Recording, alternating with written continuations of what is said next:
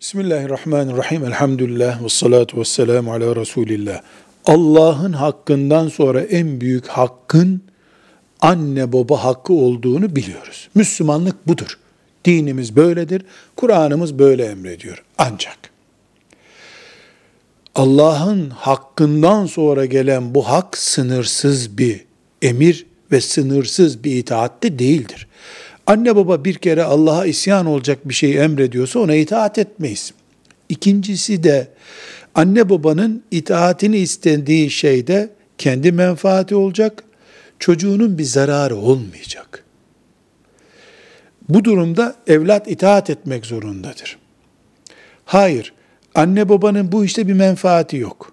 Yani sağlığına faydası yok, ekonomik bir gelir elde etmeyecek, çocuğuna zararı var bu dediği şeyin, burada da itaat yoktur. Çünkü itaat, maruf olan yani doğal ve normal olan şeylerdedir. Gelişi güzel itaat olmaz. Evlat, kendisine de böyle ağırlıklı bir zarar vermiyor.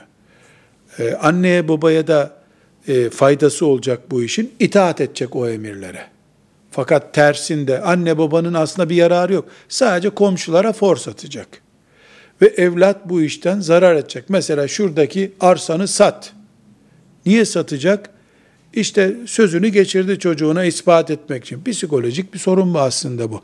Burada itaat edilmesi gerekmiyor. Demek ki Allah'a isyan hariç itaatte ölçü şu. Anne babanın zorunlu bir ihtiyacı giderilmiş olacak.